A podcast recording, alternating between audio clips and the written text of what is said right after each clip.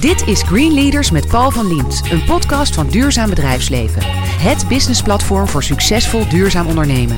Wekelijks hoor je hier een Green Leader die de economie vernieuwt, verandert en verduurzaamt. Lex Hoefsloot is medeoprichter en CEO van Lightyear. Lightyear ontwikkelt een elektrische gezinsauto waar de zonnepanelen in geïntegreerd zijn. De ambitie van het bedrijf is om de introductie van elektrische auto's te versnellen. Welkom Lex. Hoi.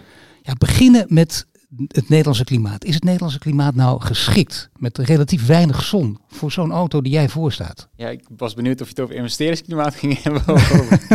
maar het klimaat in Nederland zeker, ja. Eh, dus we kunnen ongeveer 10.000 kilometer per jaar uit de zon halen.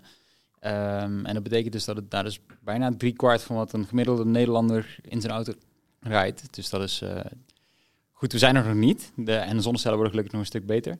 Eh, dus we verwachten dat over vijf jaar dat zonnecellen ongeveer 30% beter zijn. Dus dat betekent dat je de volledige eh 13, 14.000 kilometer per jaar kunt doen. Maar goed, sommige mensen rijden meer, sommige mensen rijden minder. Eh, maar zeker een heel significant deel. Ja, en toch, ondanks deze getallen, die durf ik natuurlijk niet eh, tegen te spreken. Maar je kent ook Maarten Stijnboeg. En die kennen veel mensen, denk ik. Een, een tamelijk bekende hoogleraar inmiddels aan de TU Eindhoven. En Maarten Stijnboeg zegt, nou, ik denk dat het een heel goed idee is. Maar vooral op grote schaal werkzaam in het Midden-Oosten en Afrika en India. Want daar heb je echt veel zon. Ja, daar werkt het natuurlijk nog veel beter. Dus eh, als je naar Zuid-Europa toe gaat, dan zit je op 15.000 kilometer. Als je naar plekken als Los Angeles eh, of eh, in Zuid-Afrika, maar volledig India zo ongeveer, dan zit je bijna 20.000 kilometer per jaar. Dus dan, Enorm verschil. Dus in Nederland blijf je dan toch een beetje hangen. Of kun je er toch een soort versnelling of een, een vergroting aan geven? Nou, die factor blijft altijd gelijk, die factor 2. Dus gewoon de hoeveelheid zon die, die, ja, die in India valt versus die in Nederland zeker. valt. Ehm, maar uiteindelijk kom je natuurlijk in Nederland op een gegeven moment op het punt terecht dat, eh, dat, dat je er wel genoeg uithaalt. En wat altijd belangrijk blijft om te zeggen wel is dat eh, als je kijkt naar onze ontwikkeling, dan zit die vooral heel erg sterk op efficiëntie van de auto. Ja. Dus niet, niet alleen het paneel op de auto. Eh, dus dat betekent dat die überhaupt al veelzijdiger rijdt, een langere actieradius heeft, sneller laat, dat hij minder energie verbruikt, et cetera. Nou is het wel aardig om te weten als je dit vertelt. En ik weet zeker dat jij die vraag nog nooit gehoord hebt. eh, Maar we hebben toch al een Tesla. Waarom deze auto ook nog? Wat is het verschil tussen beide? Ja, wat je, eh, hoe, ehm, hoe je het eigenlijk moet zien is dat er een tweede fase komt in, in eh, de trend van elektrische auto's, dus de tweede golf. En die tweede golf zal veel meer gebouwd zijn met autonoom rijden in het achterhoofd, met gedeeld zijn in het achterhoofd. Met, en wat je ziet, wat er super belangrijk is in die tweede fase, is dat de auto's ontiegelijk efficiënt zijn. Eh, want die auto's gaan veel meer rijden per dag dan de auto's die we nu eh, gebruiken. Dus dat betekent dat operationele kosten ineens veel belangrijker worden dan de aanschafkosten. Ehm, en dus je ziet al die merken ook heel erg. eh, je ziet bijvoorbeeld de, de, de Model 3 van Tesla. Zoveel efficiënter dan de Model S, die vijf jaar geleden uit op de markt kwam. En, dus op die trend zitten we heel hard in. De efficiëntie van de auto. Ja, op die trend zet je hard in. Maar Tesla zal zeggen, wij willen ook natuurlijk scoren. Niet alleen in het begin, maar we willen gewoon de leider blijven. Kun je ooit denken dat je beide samen zal gaan? Dat Tesla en jij een, een combinatie gaan vormen? Dat is ja, zeker denkbaar. Dat is altijd denkbaar. Maar eh, voor ons blijft het het belangrijkste dat we ons vast kunnen houden aan enerzijds de missie van het bedrijf. Dus de missie van het bedrijf is zoveel mogelijk schone mobiliteit voor iedereen. Eh, en anderzijds eh, dat we de DNA van de organisatie kunnen behouden. En het DNA van, van Lightyear is, eh, eh, komt eigenlijk uit de racerij. Dus we zijn zes, zeven jaar geleden begonnen in de World Solar Challenge. Dus dat is een wedstrijd in Australië voor zonneauto's. studentenauto waren dat, hè? Ja, precies. En, eh, en heel eerlijk, eigenlijk is dat gewoon één grote speeltuin waar je ontzettend veel kunt, kunt draaien, allerlei knoppen, allerlei parameters van het ontwerp van een auto. En daarmee uit kunt vinden wat nou een auto efficiënt maakt. Ehm, en, eh, en dat DNA, dat zorgt er nu voor dat we van de grond af aan een auto opnieuw op kunnen bouwen. Met, met een andere gedachte in het achterhoofd dan Tesla destijds en dan de rest van de auto-industrie. En met die, eh, ja, die ontwikkeling op de markt zetten, zal ervoor zorgen dat je dus ten opzichte van een Model S bijvoorbeeld, een Tesla Model S, ongeveer de helft aan energieverbruik hebt. Ja, nu is het wel zo dat je denkt, eh, de, de man achter Tesla is een hele grote man, Elon Musk. En misschien dat, eh, ja, Lex, dat jij denkt, eh, ik, ik mag nu nog staan, maar over een paar jaar moet ik achteraan in de rij aansluiten. Heel, heel alsjeblieft een bedel om een interview. Omdat je ook net zo groot gaat worden, net zo rijk. Is die kans denkbeeldig of niet? Ehm, uiteindelijk onze missie voor Lightyear is om zo snel mogelijk naar grote volumes auto's te gaan. Eh, Het is echt een, nee, maar het is belangrijk, vind ik. Het is echt een hele grote missie. Hè? Je kunt ook Ja. zeggen, nou, ik wil geen grote woorden gebruiken. Het is leuk dat het aardig gaat, maar je wil echt heel groot worden daarmee. ja, Internationaal. ja, zeker. Ja, het is ontzettend belangrijk om, om eh, als de kans er is, op de markt, maar ook eh, hier qua technologie in de regio in Nederland. en alle ingrediënten zijn er om dan gewoon keihard op het gaspedaal te gaan staan. Want als er kans is en als die potentie er is, dan moet je die ook pakken.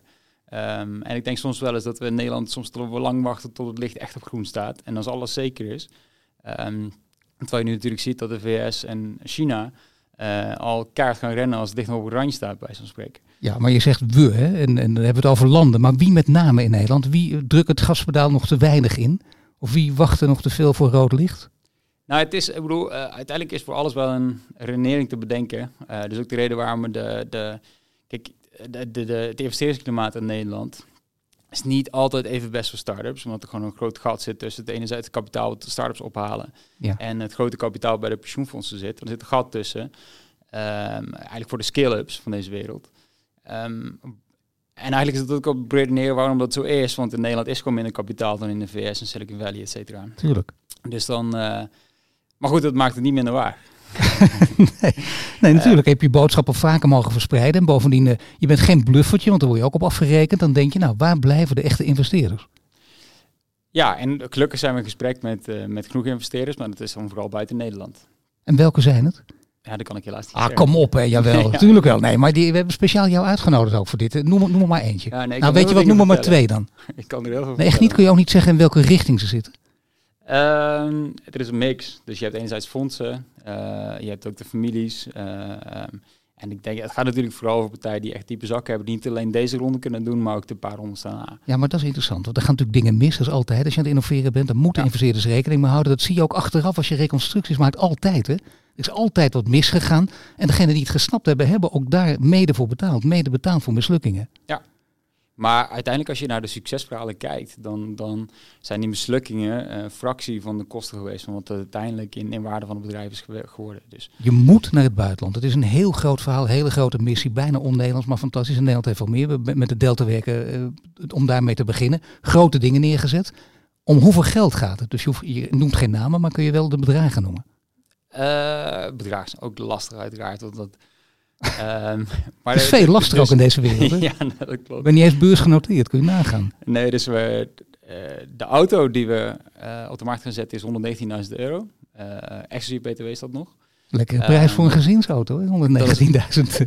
Nee, we noemen het zelf ook zeker geen gezinsauto. Nee. Het, het, is een auto die, we noemen het een traveler's car. Dus het, het is een auto die, die eigenlijk vrij weinig limitaties oplegt. Heeft een grote actieradius, heeft, kan veel energie uit de zon halen, kan met normale laadpalen veel veel meer kilometers tanken per uur.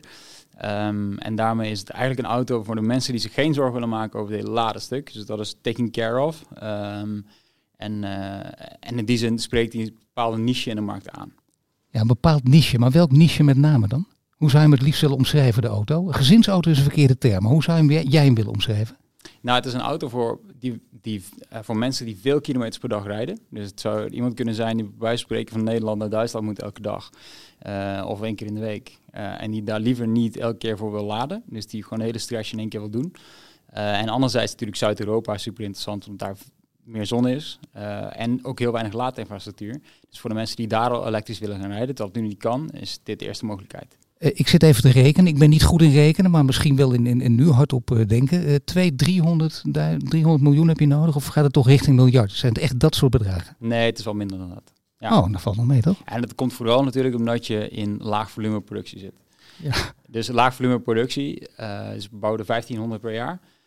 Um, dat is een volume waar je nog niet aan de complete automatisering van een productielijn hoeft. Waarbij je nog niet... en dus het, het geld vooral in R&D kunt steken en ervoor zorgen dat de auto snel op de markt komt. Als je dit voor elkaar krijgt, als dit echt gaat lukken, is het echt iets heel groots met hoofdletters. En iets heel groots wil je ook heel trots op zijn. Het doet de designer ook toe. Ja, ja, ja. Dat is een van de belangrijkste dingen die er is. Volgens mij heb je wel eens een les geleerd in je leven toch ook, als het over design gaat. Dat iets mooi moet zijn. ja, dat klopt. ja. Nou, je moet uh, inderdaad de YouTube comments onder onze filmpjes van de ja. World Solar Challenge eens kijken. Dus, daar, uh, dus de auto's die we bouwen voor de World Solar Challenge waren super vierkant, ja. uh, druppelvormig. En ja, de comments daaronder, die, die ga ik niet herhalen, denk ik. Jawel, doe dat eventjes. Nou, pak, er maar, pak er maar drie uit, zeg ik altijd voor de geld. Nee, maar doe er maar één. Um, Echt een hele vernietigende ook. Nou, iets in het vergeet je dat je niet doodgevonden wil worden in die auto. Ja, ja dat is toch minder, hè? Inderdaad. Ja, jongen, jongen. Laat de investeerders nee, die horen ook. Hè? Dat, dat hebben we zeker geleerd. Ja, maar en, en, wat is dan mooi design? Heb je daar, dat is heel, heel erg uh, subjectief. Uh, heb je daar uh, mensen om me heen verzameld? Ja, dus waar je naar op zoek bent is uh, enerzijds een partij natuurlijk met, met, uh, met een legacy, dus die, die, die begrijpt wat autoontwerp is. En we hebben gelukkig een Italiaanse partij kunnen vinden. Um, Altijd weer de Italianen als het over design gaat. Ja, die zijn er ook wel goed in. Ja, die zijn er toch het best in. Gaan we over een maandje zien. Ja, zeker. Oké, dus alles is straks geregeld en? Uh, nou ja, waar je naar op zoek bent is most advanced yet accepted. Dus dat, ja, de, dus je gaat op het randje zitten waarvan mensen, uh, wat mensen nog mooi vinden. Um, omdat je dan op een ontwerp terechtkomt wat, uh, wat wel echt bijzonder is. Dus je, je wil niet, uh, je kunt natuurlijk meegaan in de trends van de markt. Maar dan is de kans redelijk groot dat je op een gegeven moment opgaat in de massa. Je dus hoort, het moet wel een beetje schuren. Je hoort Lex Hoefsloot. En uh, ja, uh, misschien gaat dit gesprek ook nog een beetje schuren, dat weten we nooit. Uh, net sprak hij over de ambities van Lightyear. En nu gaan we praten over zijn persoonlijke drijfveren.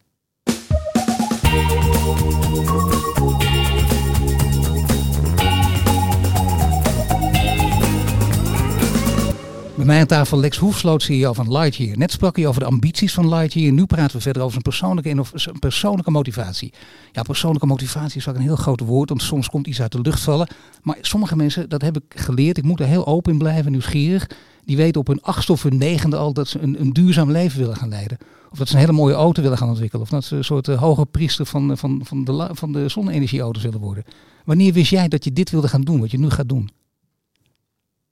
Nou, precies dit. Dat, even, dat was de Henk weer drie dagen van tevoren. Nee, dat is, dat is uh, overdreven. Maar toen ik 12 was ongeveer, denk ik, 13. Toen las ik een keer in de kijk dat uh, uh, de tijdschrift wat we allemaal gelezen hebben toen we jong waren. Ja, Donald uh, Duck en kijken. Ja, precies, die ja. twee. Een VI. Ja. Uh, waarin stond dat klimaatverandering een groot probleem was en dat het best wel eens het einde van, van, hè, de, van de mensheid zoals we hem kennen zou kunnen zijn. En toen dacht ik echt van jongens, hoezo, uh, waarom gaan we met z'n allen nog elke dag netjes naar het werk en uh, waar, waarom doen we hier niet iets aan? En, uh, en ook met de gedachte van ja, zo moeilijk kan het toch niet zijn. Er is genoeg technologie, we kunnen naar de maan, we kunnen, we kunnen alles. En waarom kunnen we dit probleem nog Maar je werd er ook een beetje boos van. Je dacht van jullie ouderen laten de wereld kapot gaan en je was nog voor je puberteit zelfs. voor mijn puberteit ja, dat ja. behoorlijk snel inderdaad.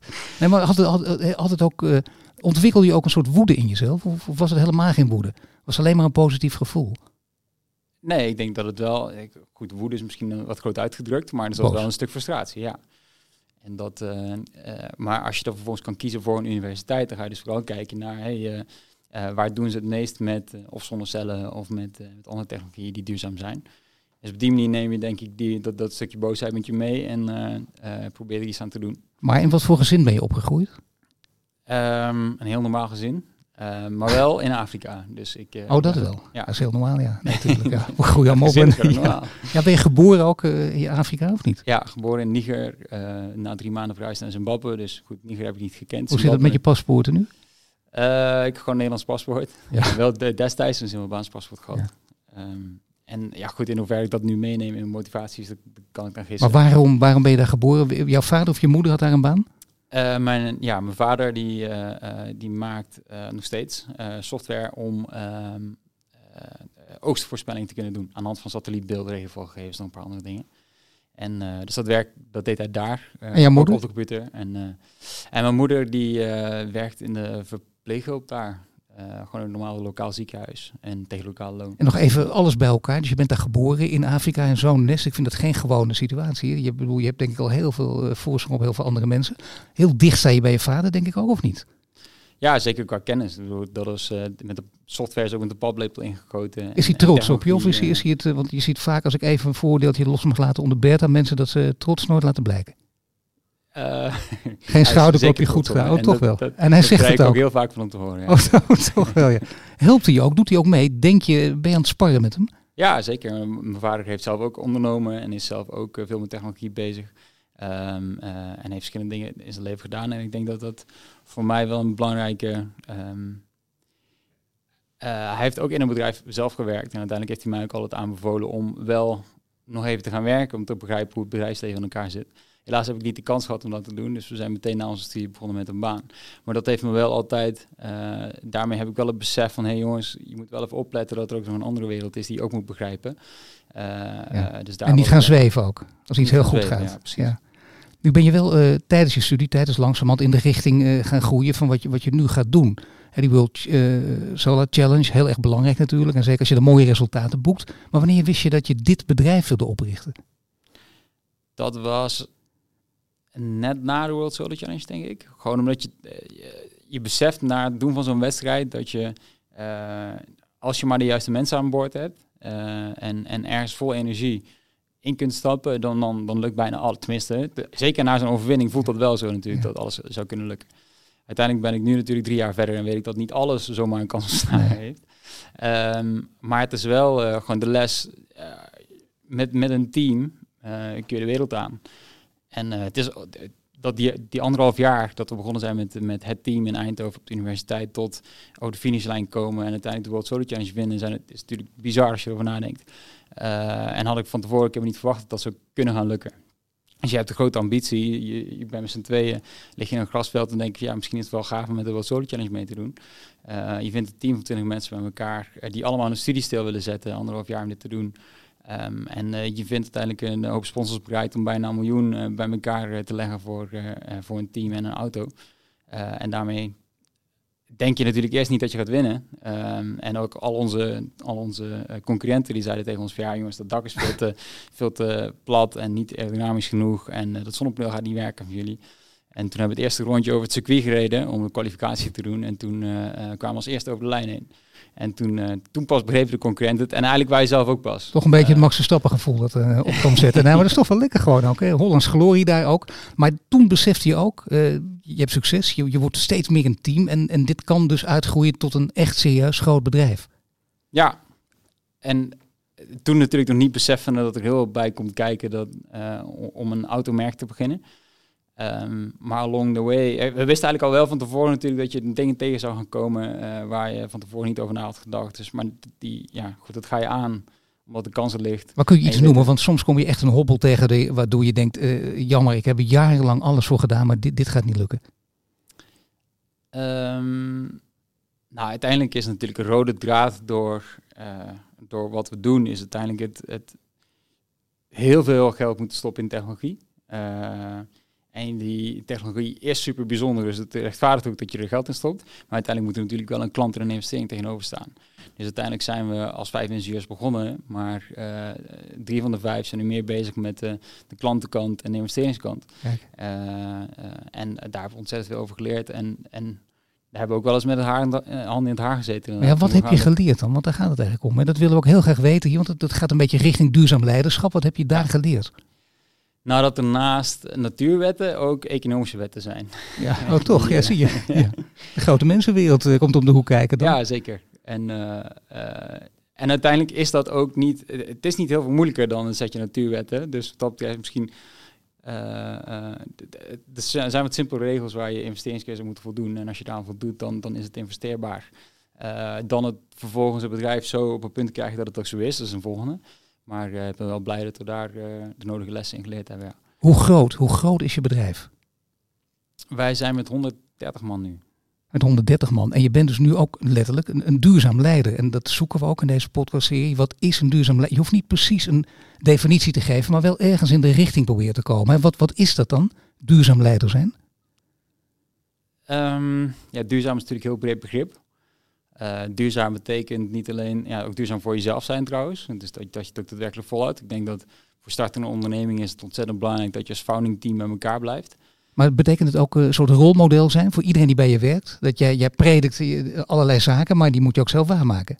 Ja, nou een van de belangrijkste dingen bij ons is dat je uh, dat beslissingen zo, als je over een boom kunt spreken, zo laag mogelijk in de boom genomen worden. Uh, want daar zit uiteindelijk de kennis. Dus je hebt niet als hobby dat je drie oude diesels bijvoorbeeld in de garage hebt staan. dat, dat, nee, ja, op die manier het goede voorbeeld geven ook. Nee, ja, toch. Ja, op die manier ook.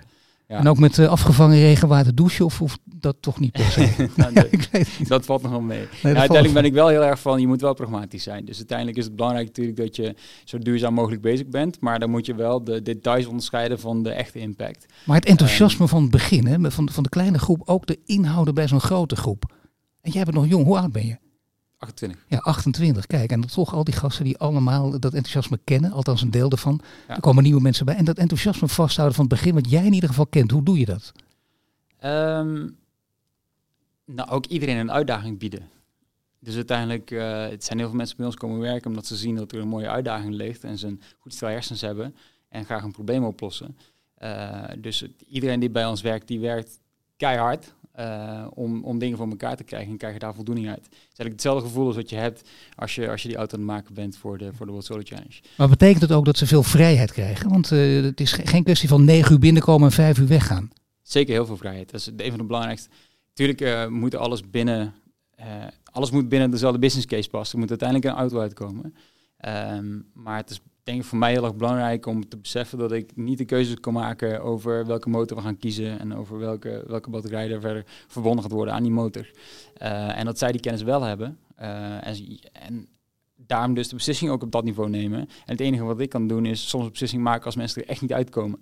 Uh, maar wat ons betreft zal meer dan 95% van alle beslissingen daar genomen moeten worden. Maar hebben ze dat na, daarnaast, deze vrijheid moet je ze geven, dat begrijp ik heel goed, maar hebben ze daarnaast ook de vrijheid om bijvoorbeeld uh, zelf een vakantie op te nemen wanneer ze willen? Je, voor een groot deel wel, maar ja. niet, niet helemaal. nee, maar dat is lastig uiteraard. Dat je merkt met, met elkaar aan één product. Um, en je ziet dat de hele auto-industrie trouwens een policy erop nahoudt dat, dat autobedrijven gewoon dicht gaan, twee, drie weken en de bouwvak ja. eigenlijk, in de zomer. Uh, en omdat de hele industrie in die cadans meegaat, moeten wij ook mee in die cadans. En hoe zit het met de hiërarchie? Want je bent gewend in een hele platte organisatie te werken. Door je student was natuurlijk. En dat bleek ook te werken. Maar dan word je groter en groter. En je zegt al, je moet mensen vrijheid bieden. Maar uiteindelijk, ja, je bent niet voor niets ook de leider. Daar kun je op heel veel manieren invulling aan geven. Maar toch, hoe zorg je dat, het, dat je in een iets meer een hiërarchische omgeving toch kunt overleven?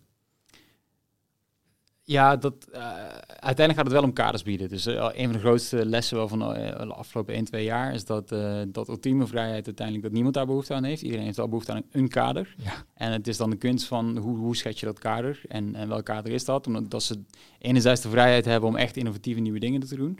En anderzijds ook niet uh, ja, verward raken door de grote leegte waarin ze werken, zeg maar. Nou, geweldig. Het wordt filosofisch dit gesprek. Hè? Aan het woord is het Macho natuurlijk. Aan het woord is Lex Hoefsloot. Hij is de grote man van Lightyear. Maar hij doet het met een heel team. Net spraken we over ja, eigenlijk zijn achtergronden en wat hij allemaal vindt en wat hij zelf, waar hij zelf zijn, zijn ideeën vandaan haalt. We gaan nu praten over verduurzaming van de economie en vooral wat hij in de toekomst wil gaan doen.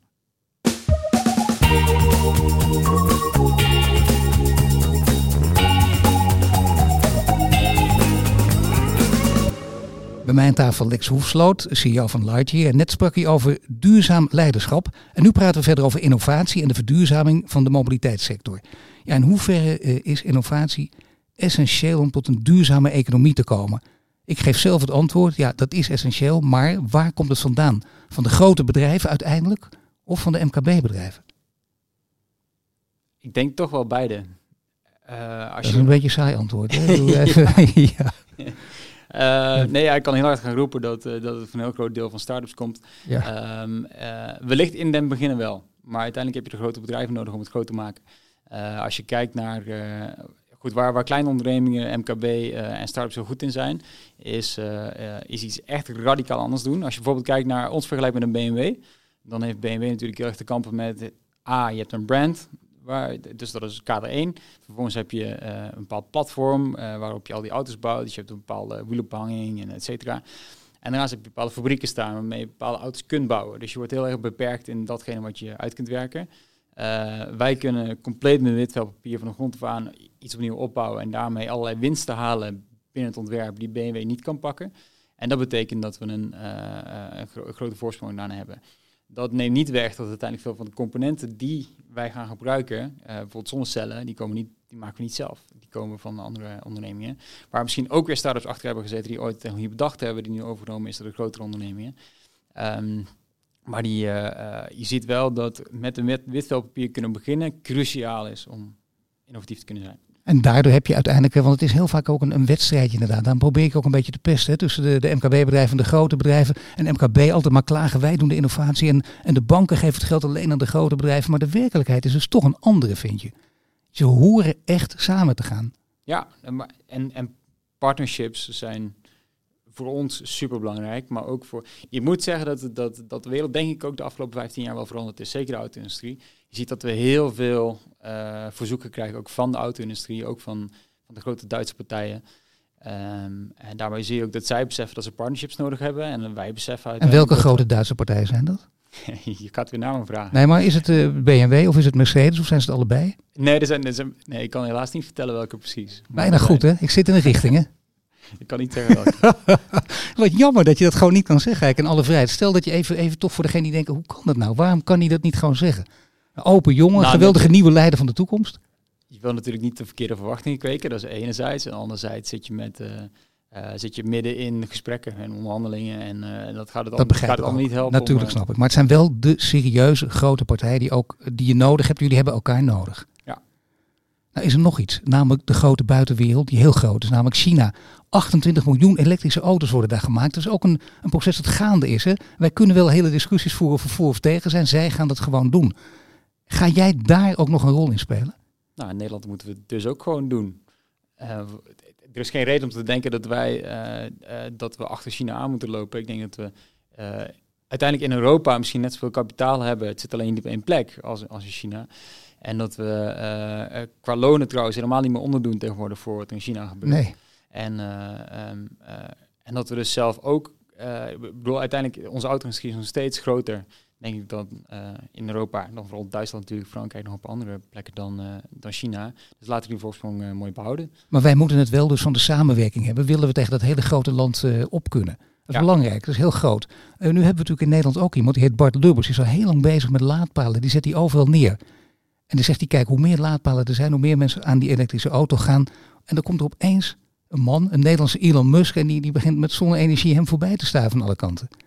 Nou, hoe, hoe, gaan jullie met elkaar om als je elkaar tegenkomt? Nou, het ironische is natuurlijk dat uh, uh, dus de laadpalen die wij vervangen zijn eigenlijk voor de laadpalen thuis en in de wijk. Uh, ja. die, die, die, dat kun je prima op zonne-energie doen. Ja. Voor de langere afstanden, dus als je naar Zuid-Frankrijk wilt, heb je nog steeds snel laadpalen nodig. Dus dat betreft uh, hebben we ook hen gewoon nodig. Zeker. Toch wel, het zou toch erg zijn. Hè? Tien jaar, het kan natuurlijk, dat heb je met hoort de ondernemer het risico, maar dat is wel heel pijnlijk natuurlijk. Dus doorgaan zou je ook tegen hem zeggen, alsjeblieft met die laadpaalstations. Ja, Want er komen er steeds meer. Ja, maar het is een en-en-en oplossing. Hè? Dus ik word ook natuurlijk heel vaak gevraagd, hey, hoe sta je ten opzichte van waterstof? En ik denk dat het voor ons nu niet interessant is en voor personenauto's. Die vraag wou ik net stellen, ja. in het Mag ik niet stellen. Maar de Japanners zijn ermee bezig. De Japanners zetten daar vooral ook op in. Maar wij moeten dat dus niet doen. Uh, voor groot vervoer zou best wel eens interessant kunnen zijn. Nee, ik denk dat uh, daarom, je ziet dat de provincie Groningen natuurlijk ook uh, veel, nou, veel energie insteekt. En ik denk dat dat, het is alleen maar goed als hier meer energie ingestoken wordt. We hebben alle oplossingen nodig. Ja, dat is een heel diplomatiek antwoord. Hè? Maar je wilde eigenlijk zeggen dat waterstof, dat hebben we niet per se dan kunnen we even. Nee, kunnen we, kunnen, toepassing niet. Nee, dus, nee. En, en, mag je maar zeggen... het is wel zo. Dit is, ik hoor bijvoorbeeld dat ze, dat ze op het verschillende instituten in Nederland onderzoek doen naar hoe ze de, uh, de opwekking van waterstof, uh, het is niet opwekking, want het is elektriciteit, maak je waterstof van, hoe je dat efficiënter kunt doen. En als daar echt een grote doorbraak behaald wordt, dan is het voor ons super interessant. Stel je voor dat je een auto hebt waar je een waterstoftank in hebt zitten, ja. die gewoon voor het hele jaar een energie buffert, dat je hem echt nooit meer aan de, aan de laadpaal hoeft hangen. Nu ben jij van de generatie die zegt, mobiliteit is geweldig, maar wij houden van delen. En delen, dat is ja, dat is iets heel anders dan, dan, dan oudere generaties gewend zijn. Die per se hechten aan hun eigen auto. Die overal hechten aan hun eigen spullen. En, en jullie generatie niet. En ik heb het heel vaak gedacht, nou dat, is niet waar. En nu zie je om je heen dat dat steeds wijdverbreider wordt. En dat je op heel veel gebieden minder hecht aan spullen.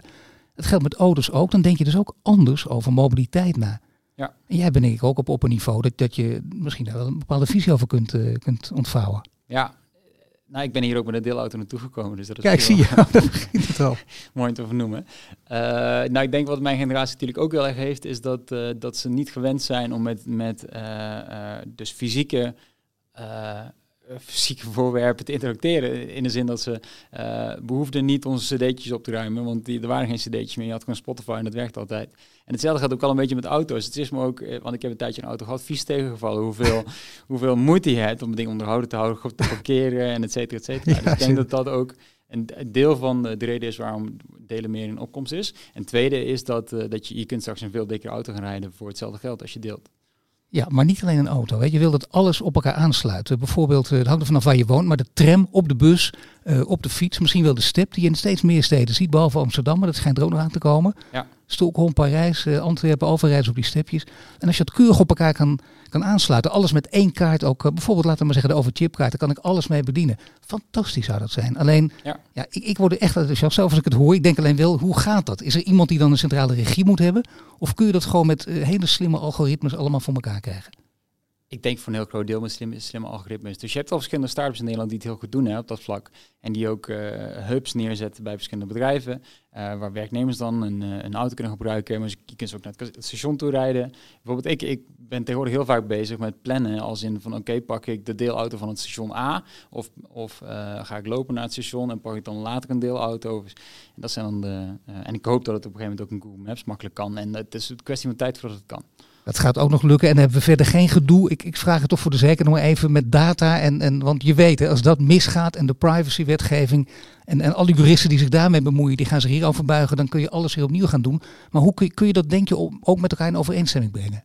Ja, zeker. Dat kun je een heel groot deel anonimiseren. En daar ben ik niet zo bang voor dat dat niet... Uh, dus het enige waar ik bang voor zou kunnen zijn, is dat er businessmodellen ontstaan waarbij je data nodig hebt. En als, uh, uh, ja. goed, als je het juiste businessmodel kiest, dan, dan, dan hoef je die data ook niet te exploiteren. Dus dan, dan zou het ook geen probleem zijn. Dit hele verhaal waar we nu over hebben. Ik heb al een paar keer in dit interview gezegd, het is gaande. Oftewel, we kunnen wel voor of tegen zijn. Het is gaande, je kunt je beter maar aanpassen.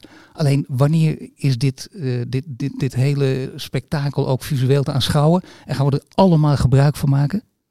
Nou, 25 juni onthullen we het eerste model. En um, uh, ongeveer anderhalf jaar later, dus eind 2020, gaan we richting de markt. Um, maar voor ons is het hartstikke belangrijk dat we zo snel mogelijk naar een prijspunt gaan. Dat het voor veel mensen veel breder bruikbaar is. Maar zo gaat het altijd natuurlijk. Hè? Dat je uiteindelijk wordt, wordt het gewoon. Het, zal geen massa. Kan het ook zelfs een massaproduct worden? Dus iets en, en dan en ja, dat kan het worden. Nou, dat is niks inherent duurs natuurlijk. Dus de zonnecellen die hebben al lang op onze daken liggen. De elektromotoren die zitten al in onze elektrische auto's. Dus um, uh, het is vooral een, een, een, truc van zo snel mogelijk de volumes ja. om een punt te krijgen dat je goedkoop kunt produceren. En ga je ook nog iets doen als uh, Tesla ook met die inschrijving? Dat je een beetje toch op status gaat spelen en er een wedstrijdje van maakt? Ja, zeker. Ik kan nu al inschrijven. We hebben um, al bijna 100 mensen die hebben. Ja, en hoeveel heb je er nodig? Um, nou, nodig niet per se. We gaan sowieso produceren, maar we verwachten dat er dit jaar nog wel enkele honderden bij gaan komen. En hoe dan ook, wat er ook gebeurt, jij ontkomt er niet aan. Je zult er zelf in moeten rijden. Dat zeker. Maar dat doe je graag ook. Dat doe ik graag. Oké, heel veel succes. Heel veel succes. Heel benieuwd hoe dit gaat uitpakken. Lex Hoefsloot van Lightyear. Dankjewel. Dit was de Green Leaders podcast voor deze week. Volg onze website voor meer nieuws over succesvol duurzaam ondernemen.